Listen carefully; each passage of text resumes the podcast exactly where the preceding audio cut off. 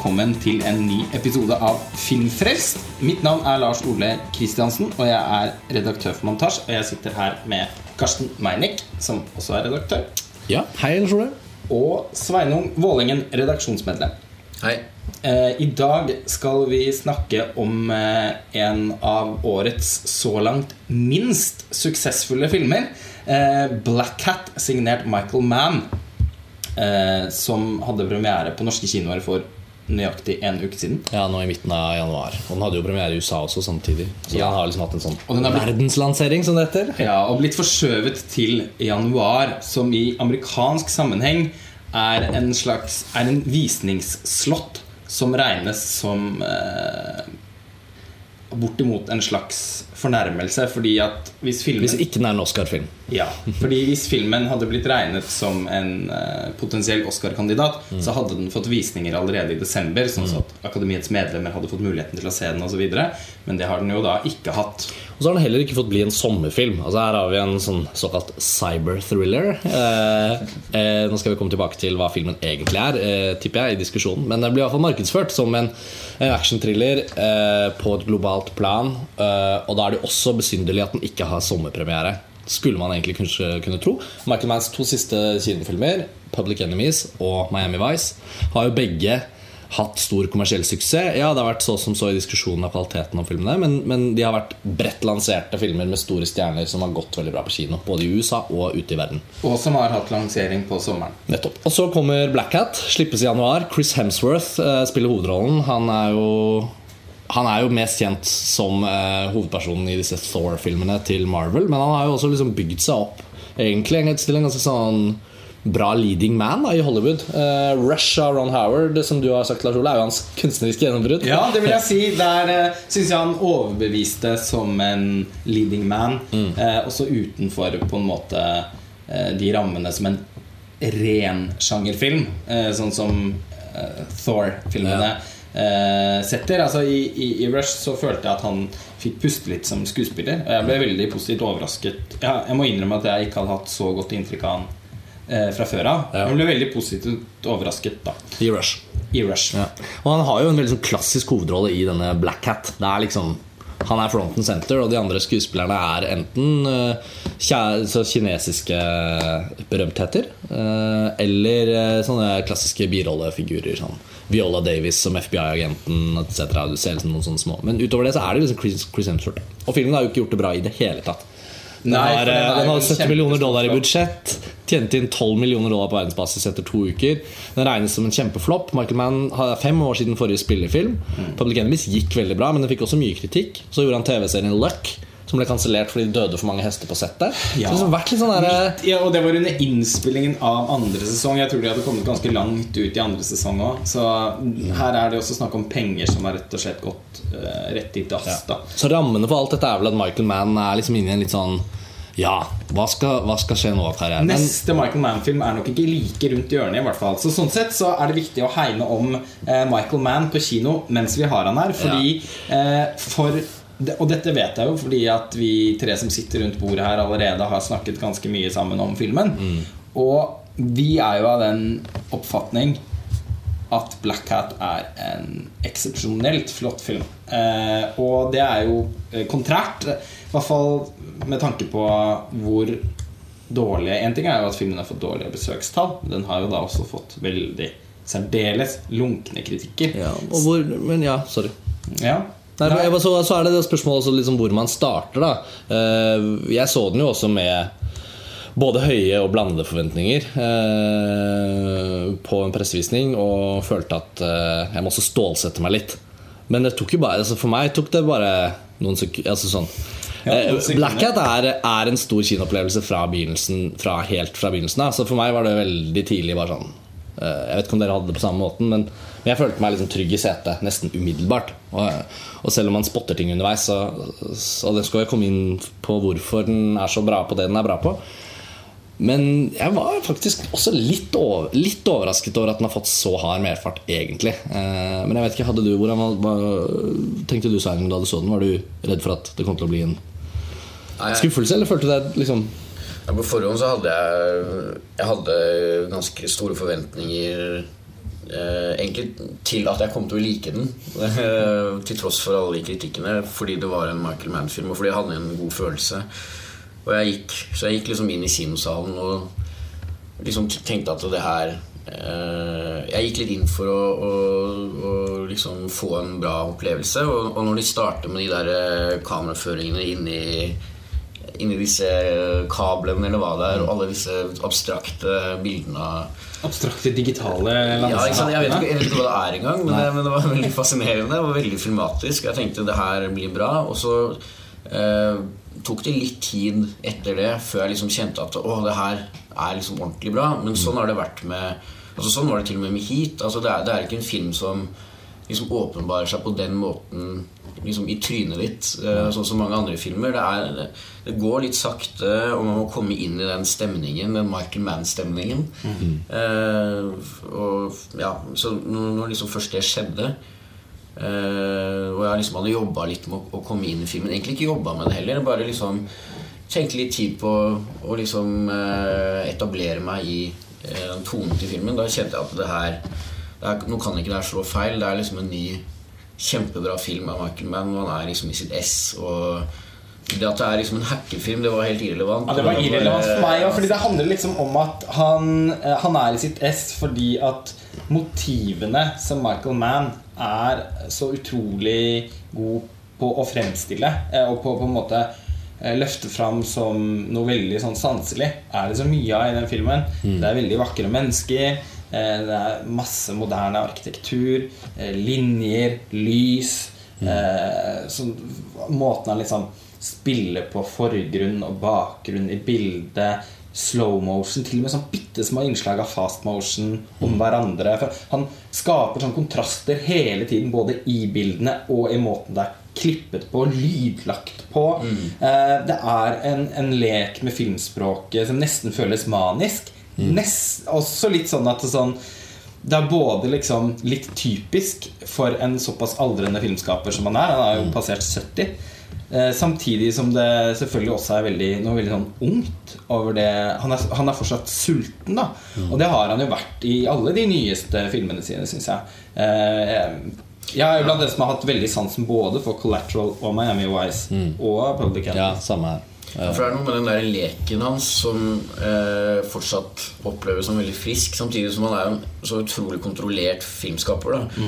Og eh, den kombinasjonen der gjør at liksom uttrykket hans er så unikt, syns jeg. Og det er, kan det kanskje være vanskelig å se, men, men eh, når man har sett en del filmer av han, så ser man liksom at han, han er så flink til å fortelle mellom lyd og bilde uten å liksom gå utover sine grenser. da Og det syns jeg vel han gjør i denne filmen her, og på liksom sitt beste. Ja, jeg synes også han dyrker, han dyrker noen eh, ja, motiver og estetiske ting og valg og, og stemninger som han er veldig opptatt av. Men jeg synes jo han, er veld, han er jo aldri, slutter aldri å være disiplinert innenfor det. Det er ikke sånn at det flyter ut i kantene.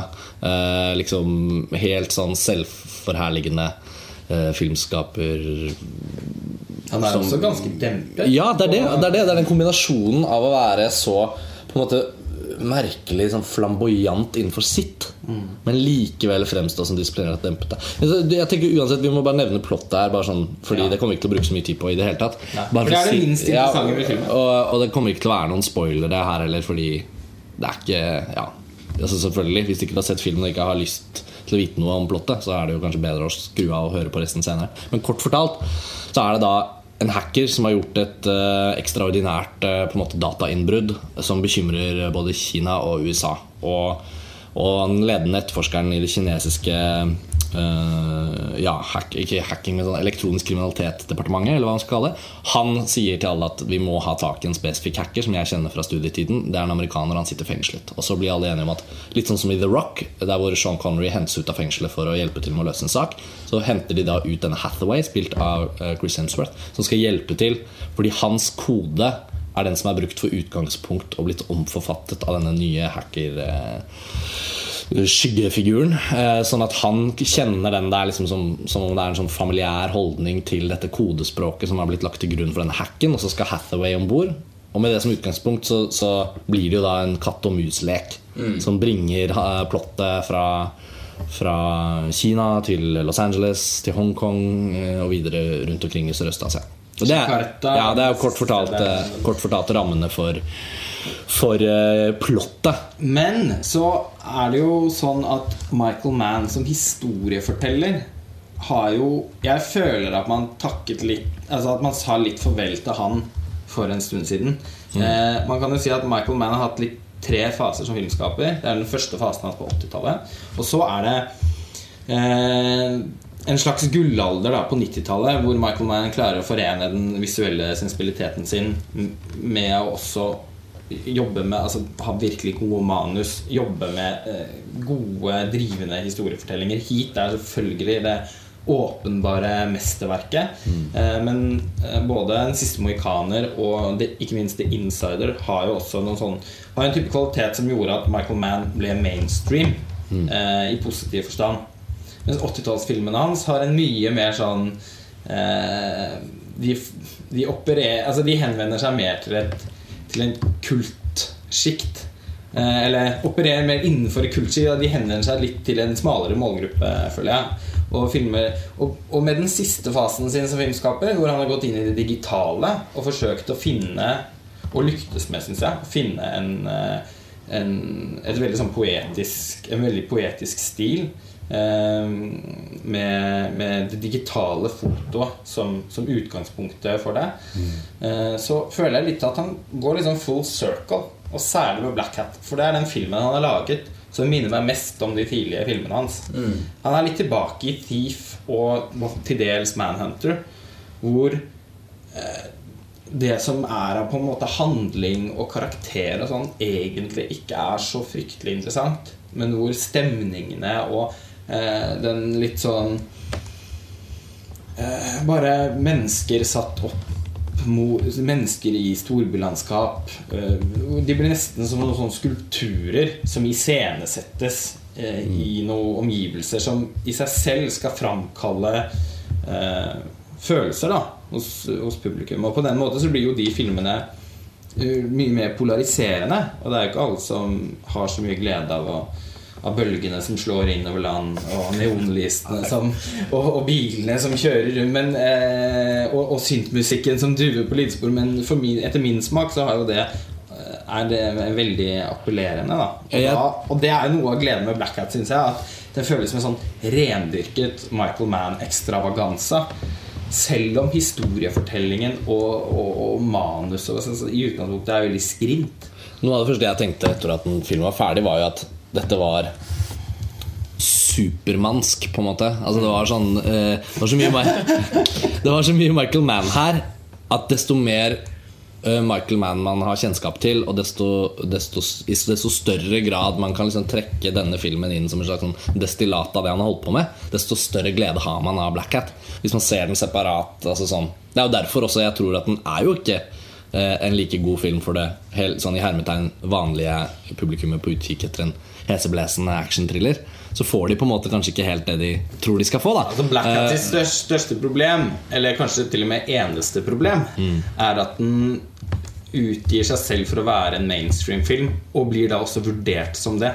Eh, det er en film som har mer til felles med Antonioni enn den har med Mission Impossible 4. Ja, og det er jo egentlig kjerneinngangen her også til å diskutere den, føler jeg. Jeg tror at alle vi tre ser og har glede av Black Hat i lys av hva den er som Michael Mann-film, og i hvilken grad den oppfyller de gledene, eh, visuelle, stemningsdrevne, eh, poetiske altså bilder med et mainstream underlag, på en måte, eller en slags sånn hook, eh, som åpner døren til mer Michael Mann-glede for de som har øynene rettet den veien.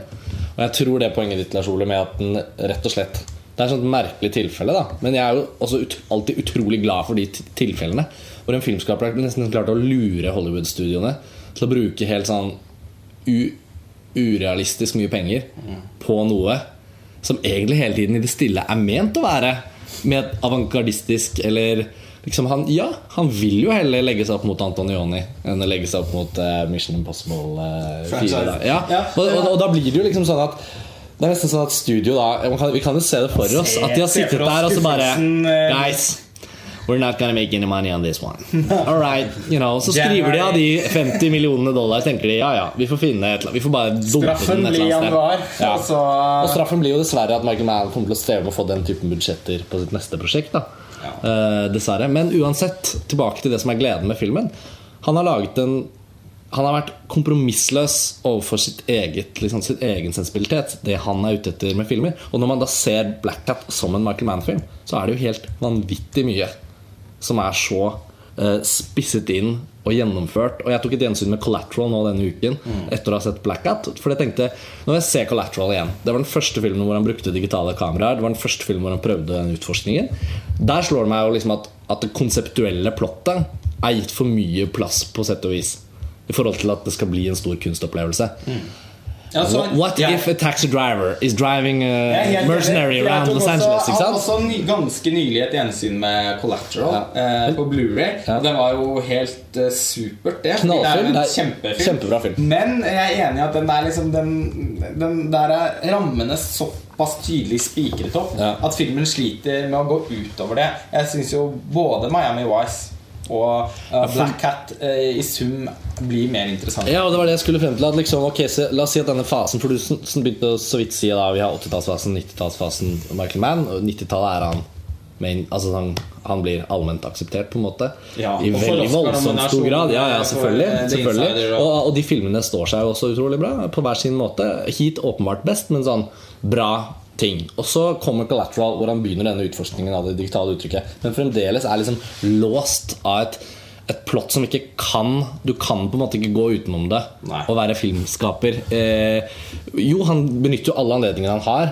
Og det er en grunn til at den scenen med den coyoten eller den ulven Mm. er liksom blitt ikonisk. Alle snakker om Og det er så utrolig den scenen. Collateral. Ja, varer den 21 sekunder? Ja.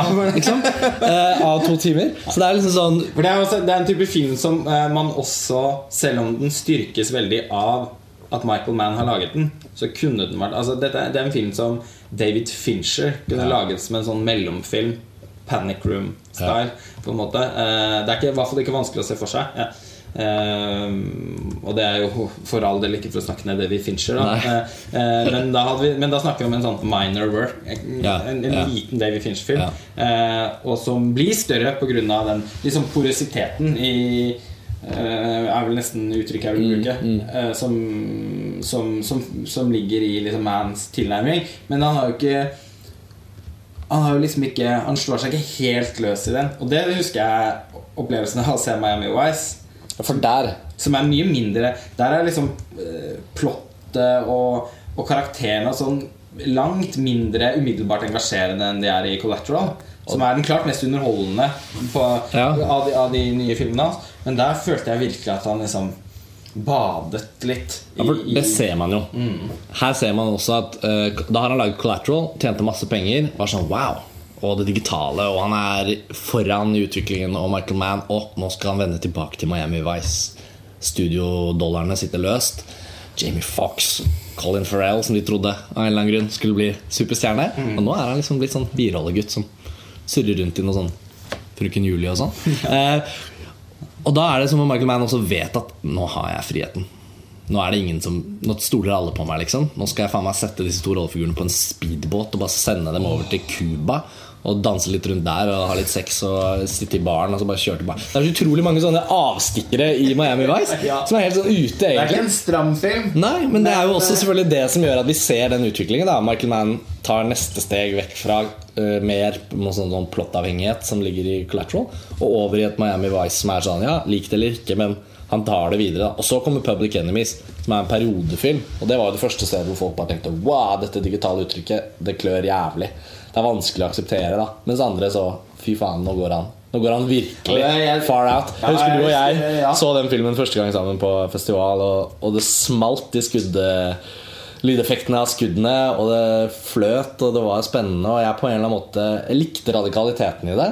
Men også ikke fordi jeg syns det var så jævla pent, det digitale uttrykket der.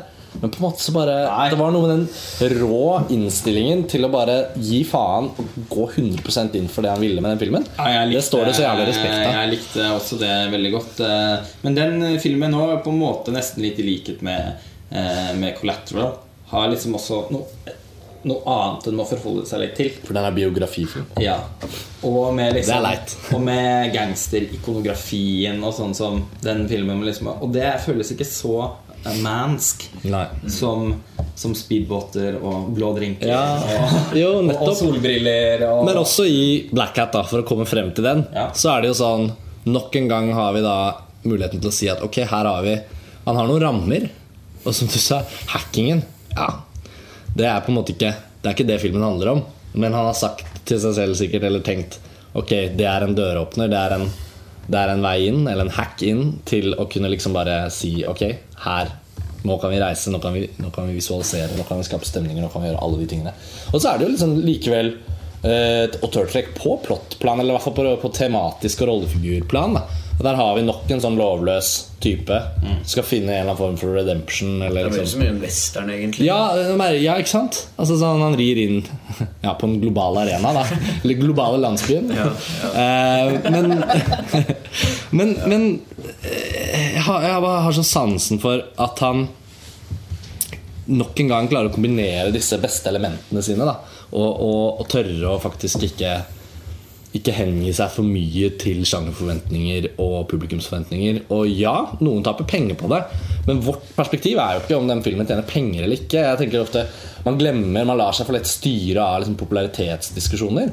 Og tenker at uh, filmer som dette må jo, særlig når autøren er så åpenbar Uh, altså Han er en av de få opplagte Hollywood-autørene som du kan liksom Alle samtaler kan starte med Michael Mann, og det er ikke så veldig vanskelig å ta den ta det perspektivet. Men f.eks. blant norske anmeldelser så var det jo forbløffende få, synes jeg, da, eh, som trakk inn hva Michael Manns filmografi faktisk har handlet om. Prøve for, for å være litt Ta filmen litt på alvor, da. Ja, Den er kanskje ikke en stor suksess, men det går an å diskutere den på en interessant måte likevel. Noe av grunnen til at det er vanskelig å ta den på alvor eh, for mange, tror jeg er at filmen selv er så veldig alvorlig. Den er liksom Ja, det er. er er jo ekstremt selvhøytidelig og har en veldig distanse til sitt publikum hele tiden. Eh, og da blir det kanskje sånn at man ja, For mange som ikke Ikke for å skape det veldig skille mellom de som har sett mye av Michael Mann og ikke, men det blir vel kanskje litt sånn da at det blir enklere å, å godta det når man vet at han kan være så selvhøytidelig og lage liksom Dressmann-reklamer omtrent på Ja. løpende bånd i en film uten å liksom ha det der glimt i øyet, men bare rett og slett Ja, det er ikke noe glimt ta seg tida til å filme liksom eh, ja, omgivelser. Ja. Og, og man lurer på eh, Man kan lure på hvorfor han gjør det, men så skjønner man det når, når liksom den så det er alltid en sånn melankoli i filmene hans også, som liksom ligger litt der, aldri blir forklart. Det er bare en, eh, noe vakkert da, i, i det der veldig overfladiske som man holder på med. Som, og jeg syns det er en kunst da, å liksom få det til å bli virtuost. Uh, men ja, igjen, altså, det, det er en, han har en veldig distanse til publikum, syns jeg. Ja, og i det så, ja, og har i jo- det så kan vi snakke om humor, nei, nei, Han har ikke humor, og i dette så kan vi også snakke om Hvor hvordan på en måte de elementene som legger seg For den Black Hat er jo ikke feilfri, eh, men det gjør den jo også litt vakker. På en eller annen måte Det er litt sånn skjønt å kunne påpeke de tingene som Og det er jo der den går nærmest å være en tradisjonell eh, thriller eller actionfilm. eller sånn Det er jo på, på, på replikkting, på skuespill Det er, liksom Fordi den sånn, tar noen seg sånne selv så innmari på alvor, Ja. eh, så, så fremstår det også så Det er litt så lett å se det dårlige i mm, Og det er jo noen dårlige eller svake ting i filmen. Én ting er at eh, det er noen scener eh, som, som er dubbet dårlig. Med noen av de kinesiske skuespillerne hvor man ser at, at Michael Mann ikke har brydd seg så mye om det. Og kanskje, godt, ja, men kanskje det kan Original- en fremmedgjørende effekt. Ja. Ja, Originallyden var jo sannsynligvis så dårlig at det var bare sånn Nei, vi bare får, ta, får lest inn den av noen som kan engelsk. Ja, og så har Altså, man ikke jobbet med å justere det sånn at, um, at man ikke merker det. Og Men merkelig nok, der hvor replikkene burde ha blitt dyttet ut nå, så har man på en måte beholdt dem. Ja. Uh, så det er, liksom, det er noe schizofreni der. og hun Wei Tang, som spiller den kvinnelige hovedrollen, eh, kinesisk skjønnhet, som, uh, uh, som ble kjent Eller kjent Hun fikk i hvert fall et uh, spesielt gjennombrudd med, med rollen sin i Ang Lees Lust Caution. Uh, men har vel ikke figurert i så mange kjente eller omtalte filmer siden den gang. Og eh, jeg husker henne som veldig god i, i, i Lust Caution. Men eh, når hun er, må snakke engelsk i, i Black Hat, så, så merker man at det er noe rusk i maskineriet. Eh, Det er noen scener, noen dialogscener mellom hun og Chris Hemsworth hvor både liksom kjemien er fraværende, og hvor dialogen er krøkkete skrevet. Altså Det er en scene inne på kafé der hvor hun sier noe sånt som sånn You're, in a phase of decision making and you have to be very intuitive Eller noe sånt som oh, Som stikker som en kniv. Eh, men så glemmer man det så fort han Han liksom Han så, med, Altså bare Michael Mann får liksom kommet med noen bilder. Ja, Eh, og- det, det- så, så, så, så har jeg ikke noe problem med å liksom glemme det. Og jeg syns nesten også det er en, litt en sjarm i filmen at, at, at den er litt sånn ruskete iscenesatt. Og, øh, og, og selv om kjemien mellom de to ofte kan være litt sånn utroverdig på dialogplan, så syns jeg den visuelt er veldig troverdig. Han binder, knytter dem sammen gjennom iscenesettelsen. Mm, det er jeg helt enig. Ja, Du kunne faktisk mange steder sløyfet mye av den dialogen. Bare måten, attraksjonen mellom Chris Hemsworth og hun eh, Hver tang. Wei Tang eh, sin rollefigur oppstår. Det oppstår jo utelukkende gjennom visuelle eh, Altså bare blikk, klipp, stemninger. Og vi hadde nok nesten, tror jeg, hatt en bedre opplevelse av hvordan denne lille, dette subplottet med deres relasjon da, Hvordan den utvikler seg. Der kunne jeg nesten gått enda lenger i å være Michael Mann enn å liksom bare Men det er litt for lett, ikke sant? Så kommer det noen dialogbiter, og så bare Ja, da har vi det. Og, liksom. og det er synd, for det er nesten sånn Der hvor den er litt svak, så har den egentlig potensial til å være på sitt mest eh, liksom avantgardistisk, bare sånn visuelt. Sånn, la det gå, liksom. Ja, og han eh, ja, Om ikke direkte avantgardistisk, så kan det være ganske sånn eh, Hva skal man si Nesten sånn kitschaktig òg, i noen av de tingene. Men på en eh, veldig flott måte. da Men å bruke kitsch på den måten blir jo en form for avantgarde ja, i vår jo, tid. altså, det, ja, Liksom for det blir ja, Og med selvhøytideligheten. Ja, ja, ja. Liksom det, det, det, det blir noe Det blir en motstand der, da. Mm. Eh, og, men, men det er også veldig mange eksempler på at han løser det veldig, veldig bra. Eh, og, og lar, og lar liksom dialogen ikke komme til. da Sånn som for eksempel Den første scenen hvor man merker at det er noen sparks mellom de to. Mellom Hemsworth, eller Hathaway og hun. eh, Karakteren til Wei- eh.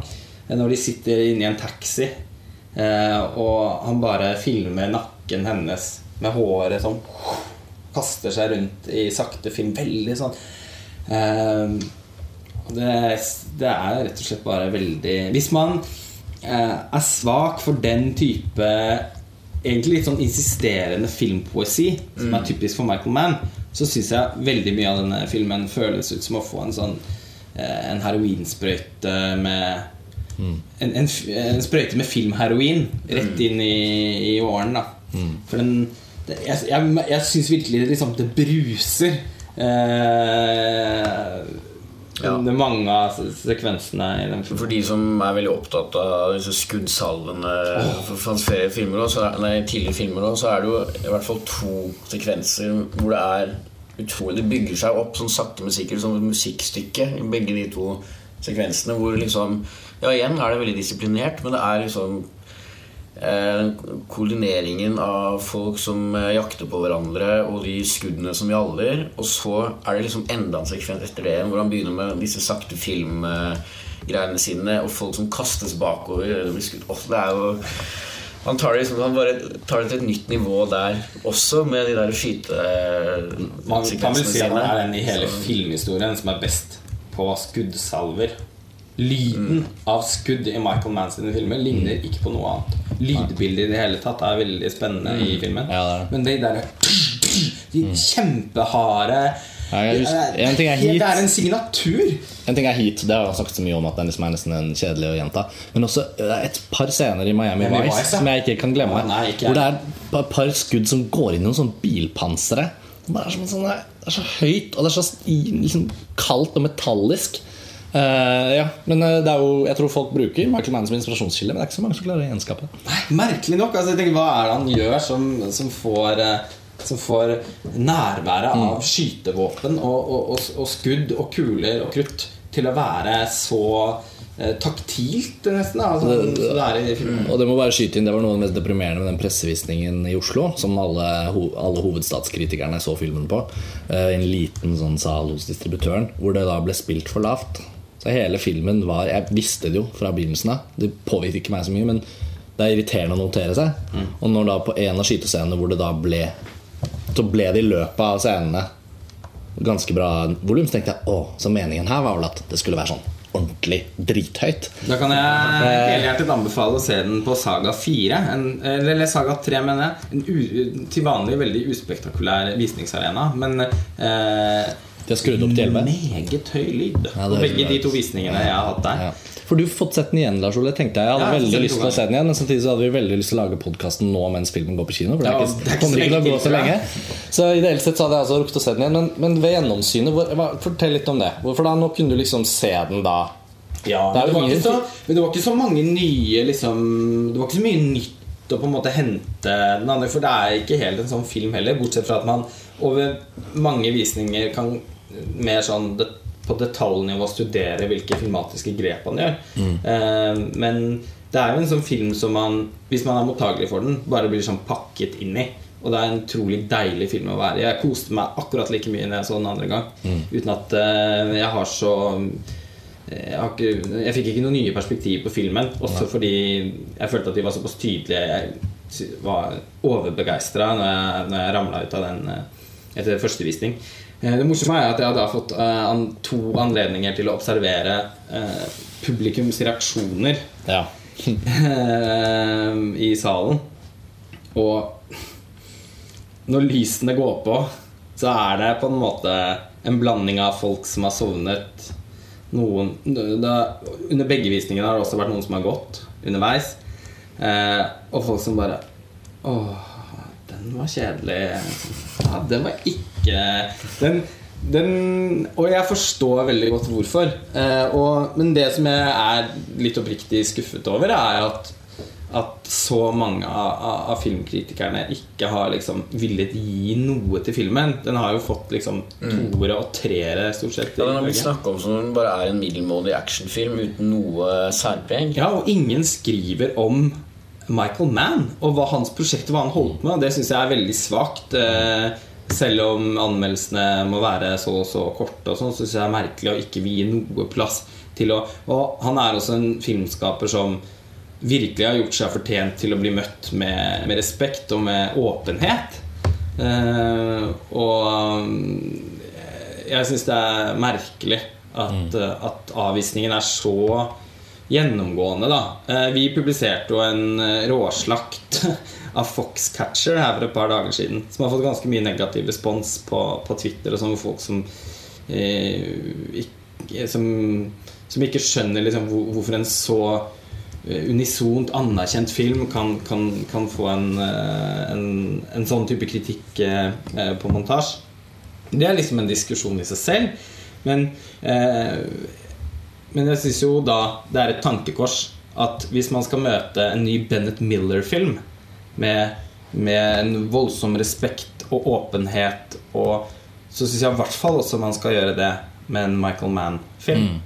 Det er utrolig mange sånne Han har en veldig rik filmografi eh, som, eh, og, og er så konsekvent i det han holder på med. Så å ikke se filmen Og ikke lese filmen som en autørfilm, eh, men bare som en på en måte da mislykket sjangerfilm, det syns jeg er litt en sånn blindvei. da Og så er det jo faktisk i Black Hat ganske mange helt konkret filmatisk visuelle, eh, interessante, motivdrevne utforskninger.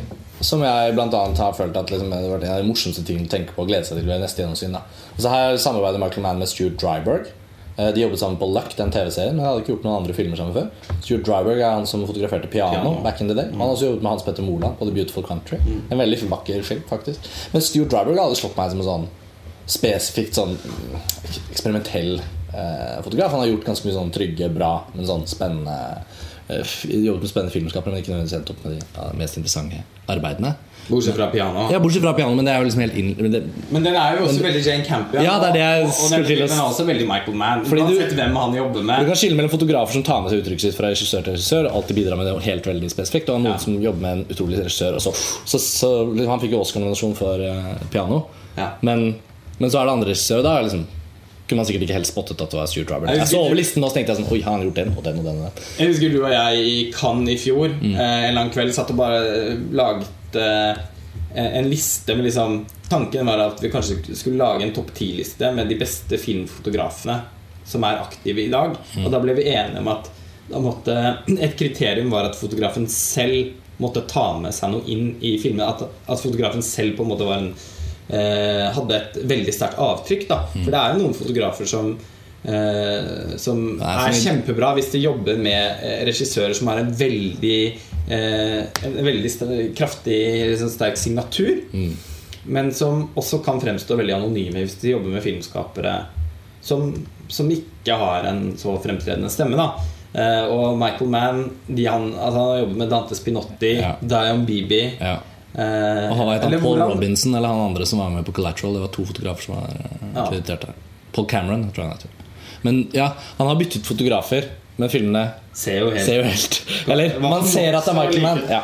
Men uansett, det er interessant. da altså, Jeg syns Dryberg har gjort en god jobb her. Og de har liksom uh, hatt et ha ja, Alt dette vi har snakket ja, alt det, er jo så, en, det er jo så mange fantastisk flotte bilder i den filmen. Og en lek eh, med, med fo Særlig med bruk av fokus, synes jeg. Men også bruk av formater, har jeg skjønt. Altså, de har faktisk også jobbet med forskjellige typer kameraer. Nå Helt detaljert hvilke kameratyper Nå er det jo så mye digitale kameraer. Eh, altså sånn, den revolusjonen er jo forbi et spørsmål om tvil. Det er jo ikke lenger noe altså sånn, På Sundance filmfestival i år så var det første gangen noensinne hvor det ikke ble vist noen filmer på film. Og det er nesten ingen som skytes på film. sånn, sånn. Den diskusjonen er liksom ikke er, Alt er jo digitalt, men så er spørsmålet hvordan bruker man det, og hvordan utnytter man det. Og alt mulig sånt og Det virker som de har fått en fantastisk måte å kombinere forskjellige kameraformater uten at det blir Jeg la ikke merke til det da jeg så filmen, det. men da jeg leste, tenkte jeg sånn, ja, kanskje det kan, ja, Noen steder hvor du ser kanskje det er sånn miniatyrkameraer som har måte fått, vært montert på objekter og sånn. Jeg vet ikke hva du Jo, jeg, jeg tenkte faktisk veldig på det. At jeg syns det var eh, spennende bare å følge med på Jeg har ikke noe greie på kameratyper, men jeg, jeg kunne liksom se at de hadde eh, prøvd seg med forskjellige kameraer til, eh, i forskjellige settinger. Alt fra liksom disse Jeg nevnte bildene hvor, hvor de filmer landskaper, og det går mm. ut av fokus. Og, eh, og de tar i bruk sakte film og sånn. Og, og eh, scener hvor, hvor kameraet er det oppleves som håndholdt, eh, på en måte, og det er kanskje det også, men samtidig veldig, nesten som en sånn halvveis sånn fish eye-linse. veldig sånn hvor det er veldig, ja, og veldig opp i ansiktet på, på de som filmes. Hvor de er Jeg lurer på om er eh, før eller etter den der nevnte den forferdelige dialogscenen Inne på inni ka- den- restauranten. Ja. Og så er det Ja, i hvert fall så begynner kameraet å være veldig sånn det, det oppleves som veldig sånn dynamisk. Da. Ja. Og, og det, så det er liksom det at jeg syns det var veldig mye sånn friske grep sånn filmteknisk som jeg ikke vet hva skyldes, men som Nei. jeg opplevde som veldig sånn nye. Da. Og jeg, tror, jeg har en følelse at dette er et sånn klassisk eksempel hvor man, hvis man får tak i det tidsskriftet American Cinematographer i USA, hvor de gjør disse fantastiske profilene på samarbeidet mellom en fotograf og regissør på forskjellige filmer Hvis de har gjort en profil på Dryberg og Mann sitt arbeid på Black Hat, så er jeg sikker på at man kan finne ut ganske mye interessant hvordan de har forsket på de tingene. For man føler det. Og så er det det i bildene som jeg har bare litt lyst til å ta opp før vi liksom plutselig innser at vi er ferdig. Det er altså denne enormt uh, dedikerte bruken av linjer og kuber eller rektangulære og lineære former i bildene. Som jeg nesten fikk en sånn Jeg følte jeg fikk sånn pådro meg en slags autisme mens jeg så filmen. For jeg ble helt sånn opphengt i å spotte det, og det var overalt. Og vi snakker jo om en film som starter med å vise oss de elektroniske signalenes reise i ledninger og datasystemer. Akkurat som Røa Kieslowski, som viser oss disse signalene gjennom telefonkabler og ledninger.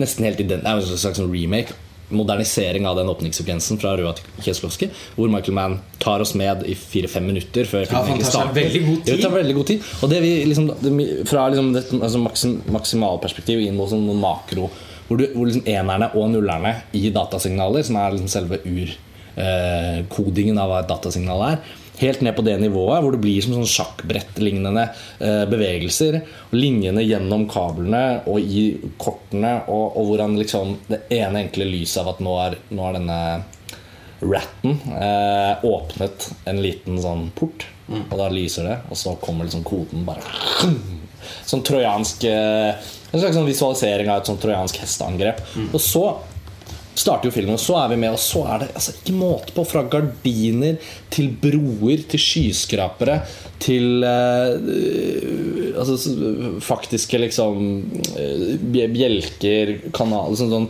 eh, kloakkanalen under Hongkong. Det er så mange linjer, rør, rektangulære konteinere i en skytesekvens. Så, sånn, det, er, ja, det er så gjennomført. da Og som et slags hovedmotiv i plottet, hvor det er snakk om en hacker, det er snakk om et datainnbrudd.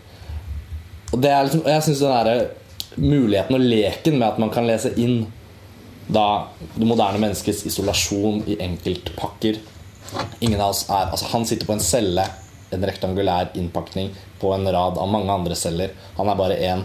Så sånn, ja, man kan liksom si at det er reaching for something, men på en måte så er det jo ingenting morsommere enn filmer som inviterer oss som ser dem og har lyst til å snakke om dem, til å lese inn og forske videre i.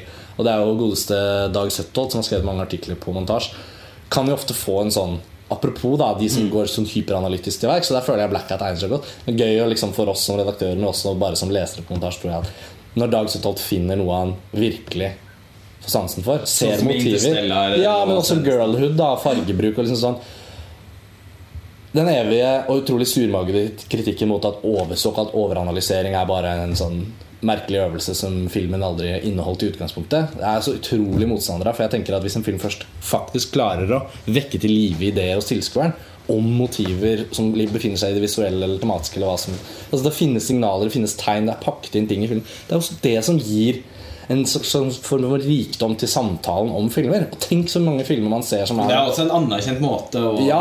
Alle som har studert Ja. filmvitenskap, er jo, er jo klar over at det finnes veldig mange forskjellige tilnærminger til det å analysere Og film. Er og det sånn ene utelukker ikke det andre. Eh, og Black Hat helt klart en sånn type film. Og derfor tror jeg hvis man hvis man er eh, glødende opptatt av, av film og er, i tillegg er interessert i det Michael Mann holder på med Og liker Antonioni. eh, eller andre, altså, filmskapere som bruker eh, omgivelser til å uttrykke følelser som karakterene bærer på. Så er jo Black Hat rett og slett en, en aldri så liten begivenhet på kino som man absolutt bør passe på å få med seg før, før den forsvinner, for det er nok ikke Ja. lenge til. Den tåler nok noen uker. Men eh, nei, dette er Ja, jeg er helt enig i det er riktig ord. Altså, jeg opplever det som begivenhet. Og, og det sørgmodige oppi dette er jo også at filmskapere som Michael Mann, som begynner å trekke på årene, har kanskje ikke så mange filmer igjen.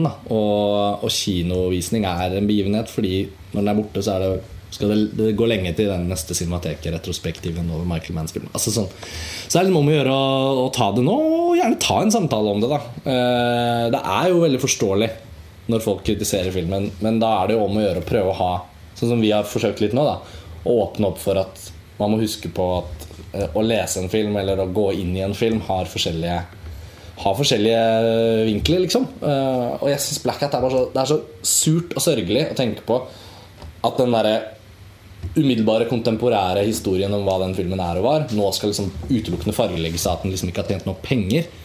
Og det er bare så misvisende for hva den filmen er. Så jeg tror historien kommer til å behandle Black Hat eh, godt. Det tror jeg, og Hvis man ser på Hvis man setter seg litt inn i mottagelsen filmen har fått i USA, så ser man faktisk at den er ganske polariserende. Riktignok viser den vel sånn 34% på Rotten Tomatoes, eller noe sånt, som jo er lavt. Veldig lavt. Men eh, går man inn og ser på de enkelte kritikernes anmeldelser, så kan man jo bite seg merke at mange av de mest profilerte og respekterte stemmene i amerikansk filmkritikk, eh, som f.eks. Manola Dargis, Ja, hennes anmeldelse i New York Times er jo helt fantastisk. Ja. Mm, Spennende lesning. virkelig har satt pris på denne filmen. Altså, sånn sett så tror jeg nok eh, ikke det er noe fare for at den skal få et mye bedre etterliv enn etter en trang fødsel. Ja, Noen av de kritikerne er morsomt å lese Noen av de kritikerne som virkelig har satt pris på Black Hat, har også allerede tatt en sånn sånn herlig, humoristisk, resignert holdning. Som bare sånn Ja ja, vi fikk den i hvert fall. Ja. liksom, jeg driter i alle dere. Vi fikk den. og det er jo Ja, det kan man si. Nei, så vi må jo bare anbefale den. eh, eh, men se den med riktig blikk, på en måte. Det var vel episoden vår om Blacknet. Black Hat. Det var det. Det blir altså. noen år til neste, dessverre. Eller vi får håpe kanskje vi blir overrasket, men eh, det kan hende det går en stund til neste nye Michael Mann-film vi får diskutere. Men det er ikke så sikkert. Nei, hvem vet? Vi får se. Takk for oss. Takk for oss. en liten magisk stillhet der. Ha det bra.